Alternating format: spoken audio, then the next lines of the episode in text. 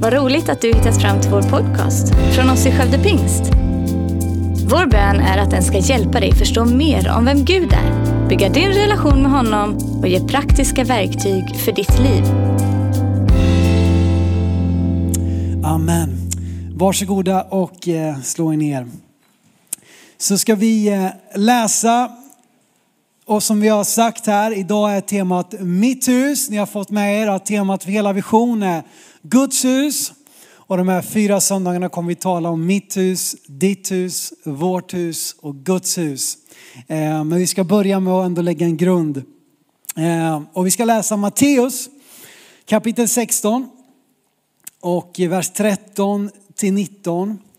Som är på något sätt, eh, vi, vi, vi hamnar ju ofta i, i missionsbefallningen. Alltså att Jesus ger oss befallningen att gå ut, och göra alla folk till lärjungar. Och det är då vi som hans lärjungar får liksom uppdraget att ta det vidare, att gå ut med budskapet. Det som de tolv gjorde, som växte till fler och fler och fler, som gör att vi här uppe i kalla Norden till slut nåddes av budskapet. Men det är också någonting som händer här i Matteus 16 av att Jesus liksom hintar om vad som ska komma. Att han ska överlämna liksom stafettpinnen till sina lärjungar eh, och han säger det här då en bra stund innan han då dör och eh, korsfäst och uppstår på tre dagar. Vi ska läsa då. Matteus 16 och från vers 13 till 19. När Jesus kom till trakten av Caesarea Filippi frågade han sina lärjungar, vem säger människorna att människosonen är? De svarade, vissa säger Johannes döparen, andra Elia, andra Jeremia eller någon av profeterna. Han, alltså Jesus sa till dem, och ni, vem säger ni att jag är? Simon Petrus svarade, du är Messias, den levande Gudens son. Jesus sa till honom, salig är du Simon, Jonas son, för det är inte kött och blod som har uppenbarat det för dig, utan min far i himlen. Och jag säger dig, du är Petrus. Och på denna klippa ska jag bygga min församling. Och helvetets portar ska inte få makt över den. Jag ska ge dig himmelrikets nycklar. Allt som du binder på jorden ska vara bundet i himlen. Och allt som du löser på jorden ska vara löst i himlen. Det här är ett spännande sammanhang. Där Jesus berättar vad det är han bygger och ska bygga. Faktiskt det enda han lovar att bygga i hela Bibeln. Vad är det? Jo, det är sin församling. På denna klippa ska jag bygga min församling. Det är hans hus. Det är hans kropp. Det är hans kyrka. Det unika med detta är att han bygger på, med och genom människor. Ehm, och att Petrus inkluderas i det som Jesus lovar att bygga har gjorts en stor sak i många kyrkor. Man har försökt förstå vad det handlar om. Men det som Jesus bekräftar är ju Petrus bekännelse. Att han själv med sina egna ord säger, du är Messias. Du är den utlovade, du är den smorde, du är den som profeten har talat om. Du är den levande Gudens son. Den personliga bekännelsen tror jag att det är som Jesus bekräftar när han säger att på denna bekännelsen, på den bekännelsen du, du ger så ska jag bygga min församling. Genom dig, genom alla tror jag som, som krokar in i den, i den bekännelsen. Eh, och eh, vad man än tycker om Jesus så är han en av historiens mest inflytelserika personer. Man kan absolut argumentera för att han är den mest inflytelserika personer. Vi som är kristna tror att han var mer än en person, att han också var Gud, att han var Guds son. Men vad, vad du än kallar dig själv så, så är han en, eller kanske den mest inflytelserika personen genom alla tider. Han som vi kan jämföra liksom med historiens stora genier, tänkare, konstnärer. Men Jesus, vi kommer inte ihåg honom på grund av hans monument som han byggde. Vi kommer inte ihåg Jesus på grund av böckerna han skrev. Vi kommer inte ihåg Jesus på grund av tavlorna han målade eller musikstyckena han komponerade. Därför att Jesu hantverk, Jesu tavelduk, för att använda uttrycket, var människor. Jesus målade, Jesus verkade, Jesus använde människor. Det var, där, det var där som han la sin krut, det var det som han gav sin energi. Eh, hans lärjungar, de människorna han mötte, det var det som Jesus satte sitt avtryck på i den här världen. Hans, hans målarduk, hans geni, hans liksom, eh, artisteri var någonting som, som han investerade in i människors hjärtan.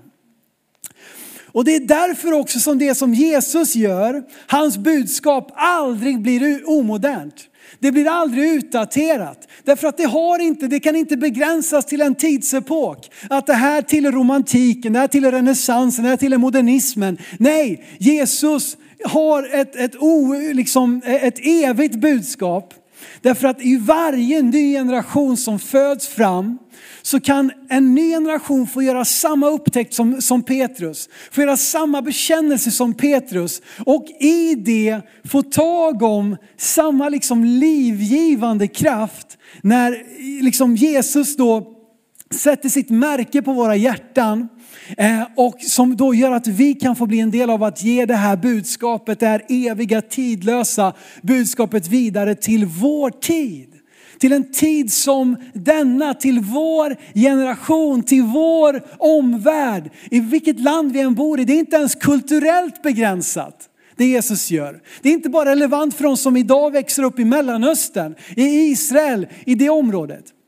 Det är inte så att det bara är en västvärldsgrej. Att det bara är för västvärlden. Ja, kristendomen har format västvärldens kultur, absolut.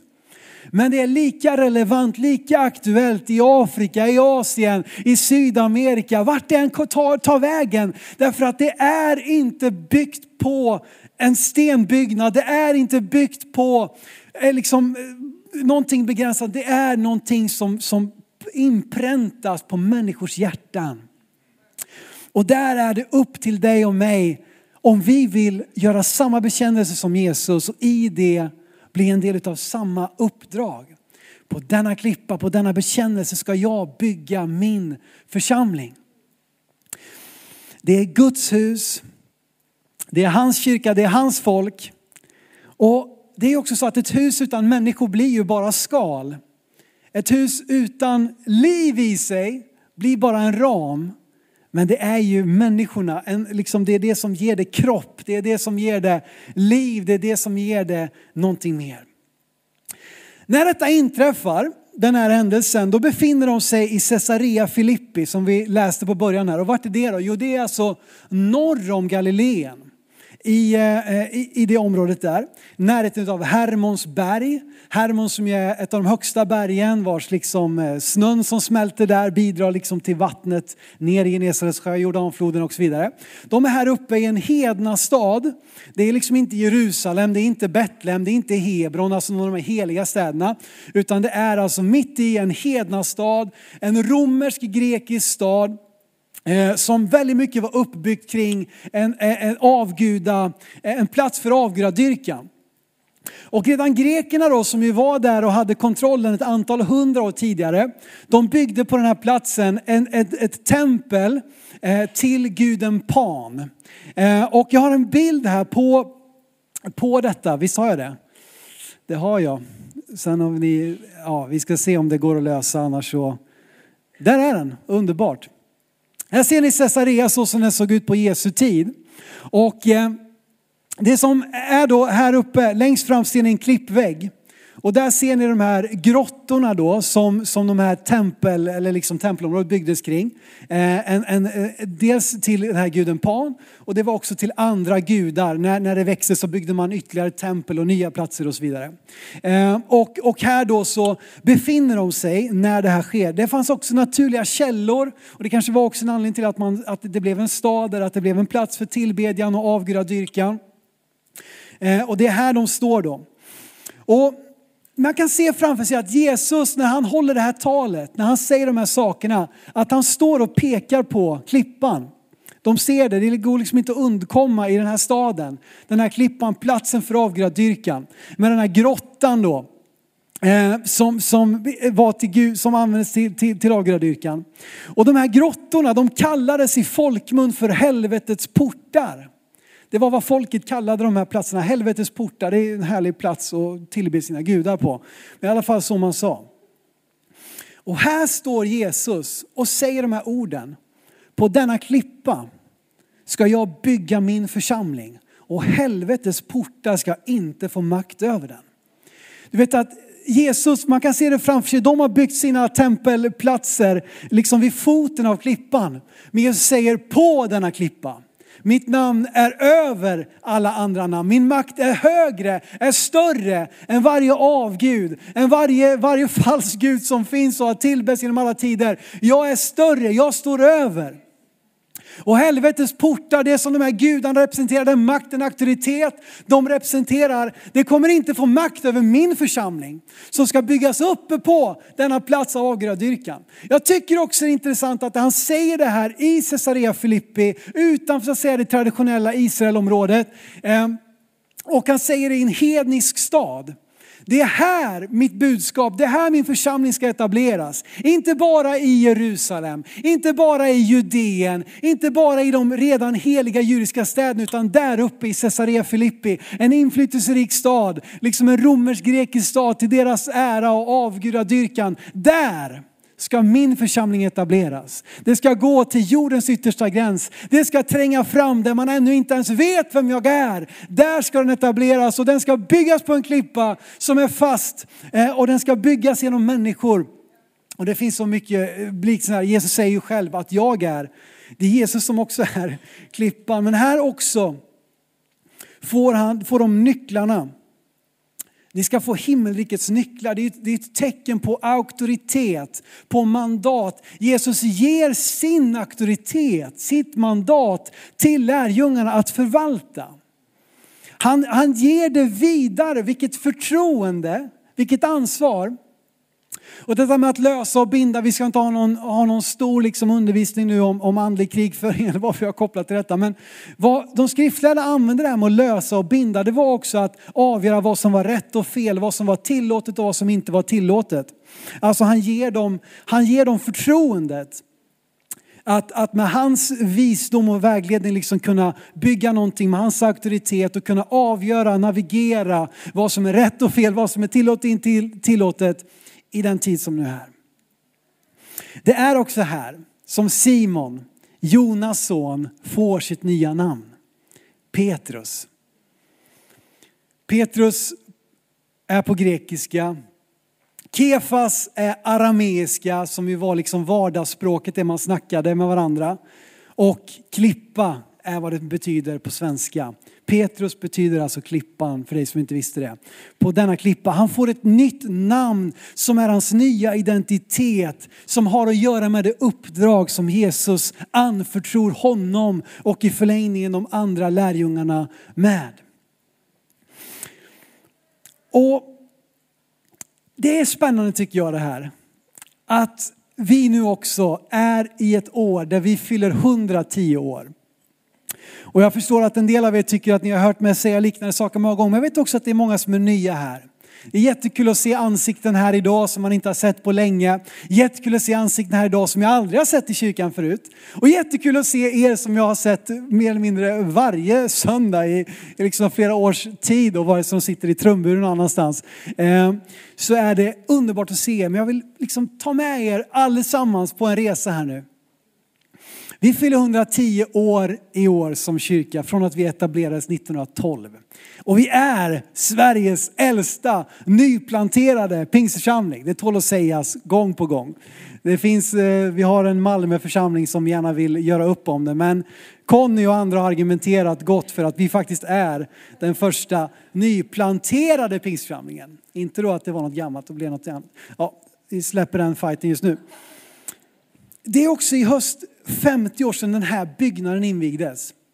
Och jag tittar ut och jag ser några av er som jag vet var med och byggde den här kyrkan som jag vet var med och offrade. Vissa tog till och med lån på sina privata hus för att vi skulle kunna bygga den här, den här byggnaden. Och vilken välsignelse den har varit under 50 års tid.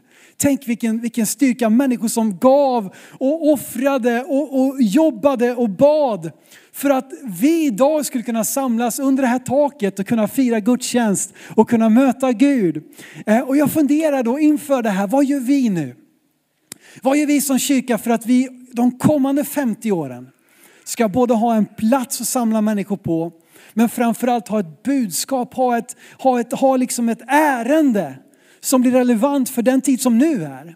För det folket, de människorna som, som Gud sänder oss till. Och som inte heller begränsat, det förstår ni, till, till en liksom viss kyrkobyggnad, även om vi tackar Gud för bra byggnader att samlas på. Men det är inte begränsat, det är ju kropp, det är kött och blod, det är du och jag. Och det är alla människor som inte kan vara med idag. Det är de människor som är med oss online. Det är de som ännu inte ens vet att de ska bli en del av Guds församling, kanske om ett år, om två år, om fem, tio år. De som idag ligger i, i, barnvagnar och liksom, som om 15 år, ska, 20 år ska bli våra nya ledare, våra nya lovsångsledare, våra nya liksom, ungdomsledare, våra nya tekniker. Vad gör vi för att investera och sätta upp den generation som kommer efter oss? Du kan säga, men jag, jag är på väg att flytta härifrån snart. Eller jag, jag kommer, inte, jag kommer komma till, åka, till, åka till himlen snart. Men, eh, men jo, så kan det vara. Vi har, vi, ska, vi har vår egen väg att gå. Men det finns någonting i att osjälviskt vilja vara med och investera i det som kommer efter. All right. För tio år sedan var vi många här i kyrkan som hade fullt upp med att planera för vårt 100-årsjubileum. Ehm, och eh, jag hade förmånen att vara konferencier på en eh, spännande kväll och försöka sammanfatta 100 års historia. Och vi, vi hade, alltså det, var, det var en sån fest, det var en sån högtid.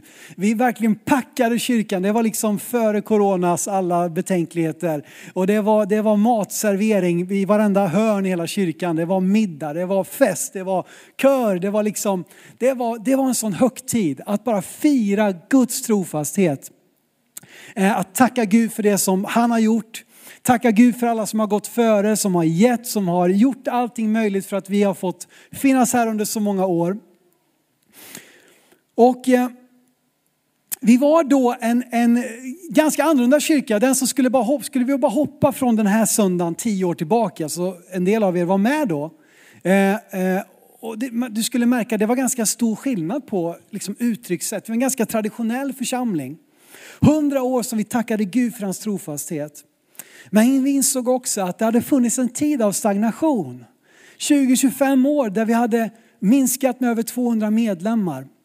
Där vi hade döpt färre än vad vi hade gjort tidigare i församlingens historia. Och det växte faktiskt en krismedvetenhet som jag är väldigt tacksam för. Att många i församlingsledningen, i ledande positioner insåg att någonting måste hända.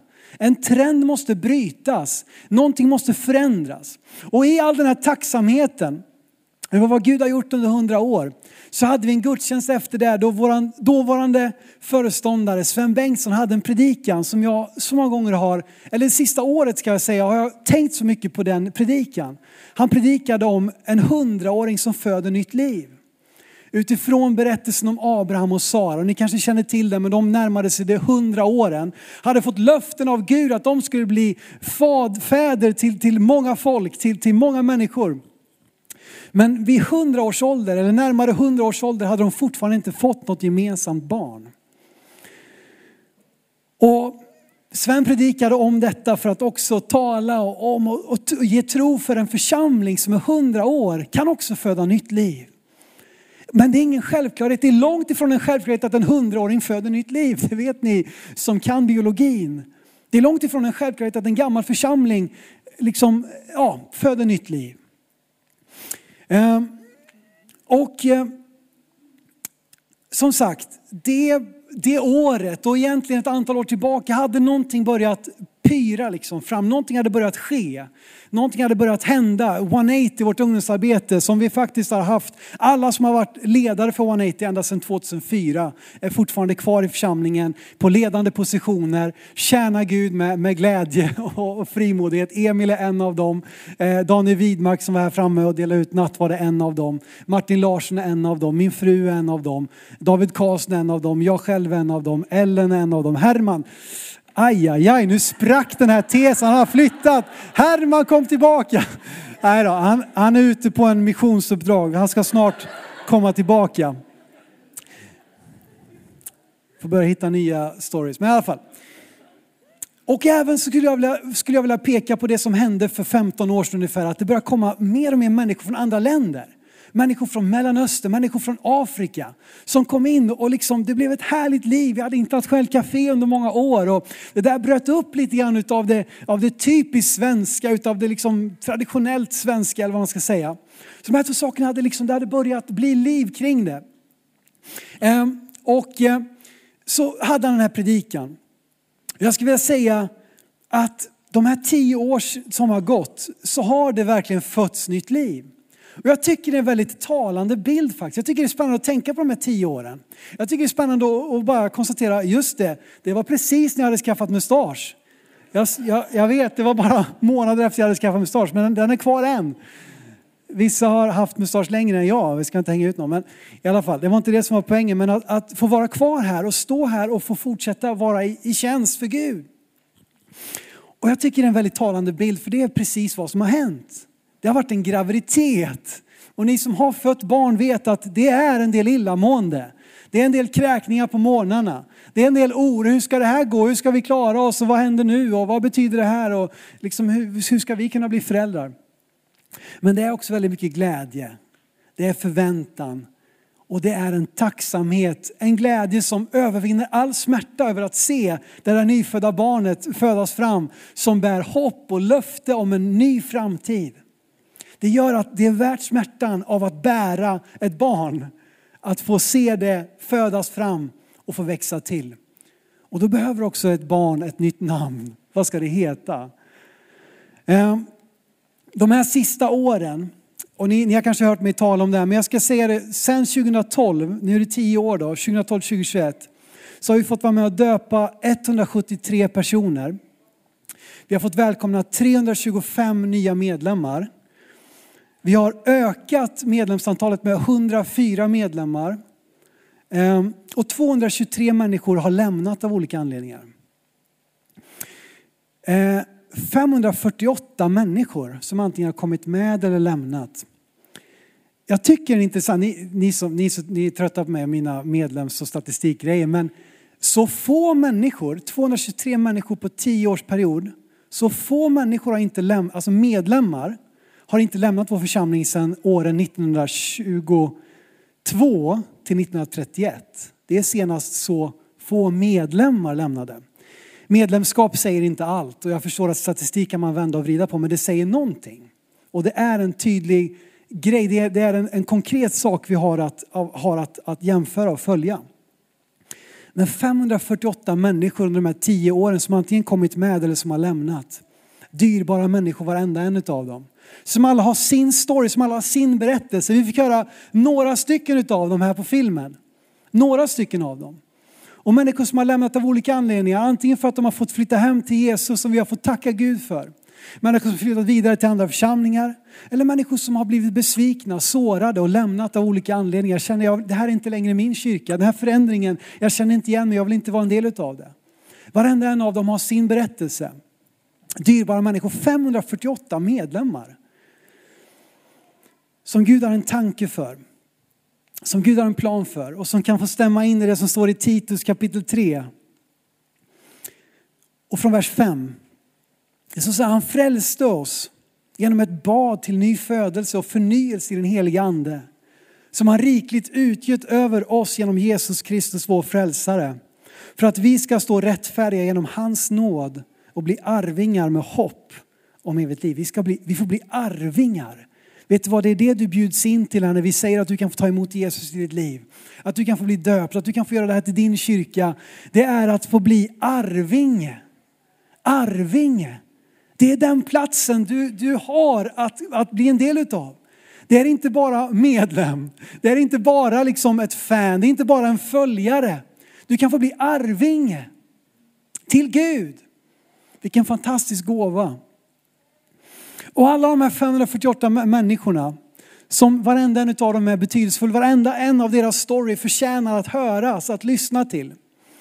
Men det är människor som, som utgjort eller utgör lemmar, delar i den här kroppen.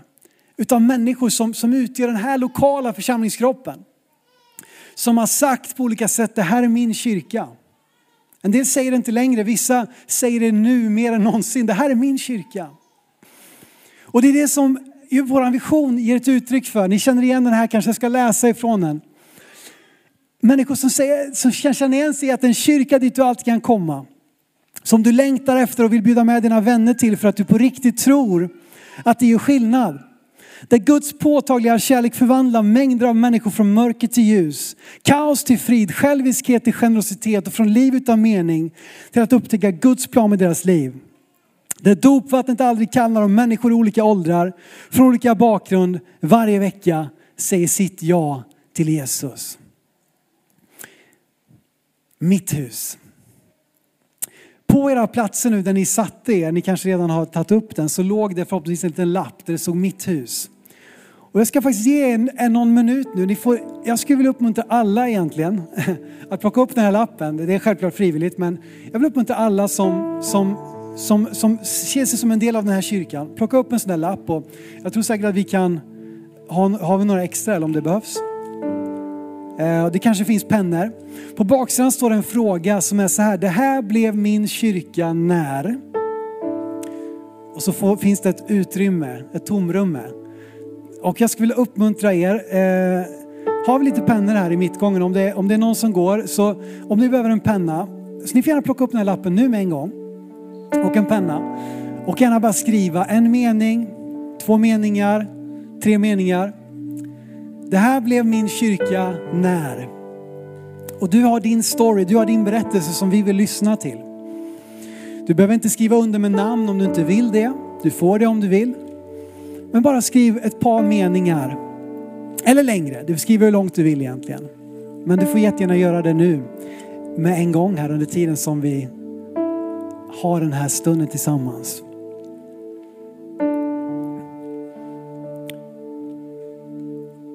Och eh, du som är med oss online, du får hemskt gärna också skriva ner din berättelse. Det här blev min kyrka när. Och så några meningar. Så kan du mejla den till hej at skavdepings.se. Hej snabla skavdepings.se. Så kan du på det sättet få dela med dig av din story, av din berättelse. Eh, vi vill lyssna på din berättelse och vi vill inte förringa den. Och det är också det, det är din berättelse som ger bränsle, som, ger, som gör att det här inte bara är ett skal, en byggnad med väggar och tak, utan en, en kropp utav, med liv, med kött och blod. Och eh, Alldeles strax här så tänker jag att vi kanske gör så att vi ska skicka runt de här boxarna igen. Det här är lite oplanerat. Men om Hanna och någon till plockar upp en box så behöver man inte skicka vidare om man, om man, om man inte är klar. Om du vill skriva mer och ta längre tid på det så, så skriv vidare och liksom kan du lämna den i din lapp i connection eller vi kan ha någon box vid utgången också sen när ni går ut från kyrkan. Så vill vi lyssna på din berättelse. Det här blev min kyrka, nej det här är mitt hus så vill vi få ta del av din story. Så vi skickar runt boxarna just nu och är du inte klar, vill du ha mer tid på dig så lämna din lapp här efteråt eh, i connection eller men gör det gärna idag. Det är så lätt att glömma bort. Självklart kan du komma tillbaka senare men. Psalm 27. Och jag tänker att, att resten av lovsångsteamet, ni kan gärna komma fram nu också så börjar vi landa i den här första delen. Psalm 27. Står det, det är David som skriver. En fantastisk psalm. Vi ska läsa, han skriver så här i vers 4. Ett har jag begärt av Herren. Detta söker jag, att få bo i Herrens hus i alla mina livsdagar för att se Herrens ljuvlighet och söka honom i hans tempel. Ett har jag begärt, att få bo i min Guds hus i alla mina livsdagar.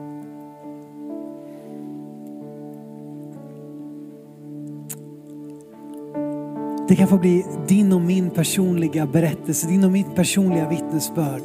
Det här har blivit mitt. Tron har blivit min.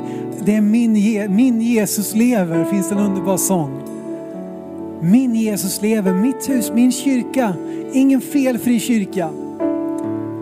Att vi har fått växa genom Guds nåd under ett antal år betyder inte att vi på något sätt på långt när är felfria. Inte på något sätt betyder det att vi inte har saker att jobba på. Men det betyder att Gud gör någonting ibland oss som ger oss en tro om en framtid som är ljus.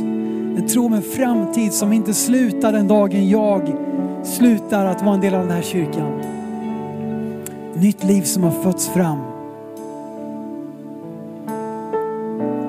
Och det är en inbjudan till varenda en, det är inbjudan till dig och mig. Det är att Gud blir människa. I sin höghet så träder han ner. Han kommer hit till jorden, han som är hög och helig. Han som inte går att jämföras, han som inte har någon like.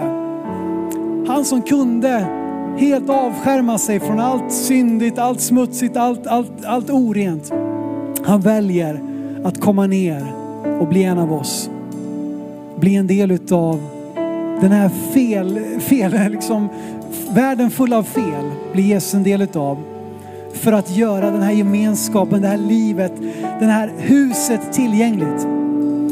Och jag har en bön om att Guds hus inte ska vara dels tomma monument, museum om en svunnen tid.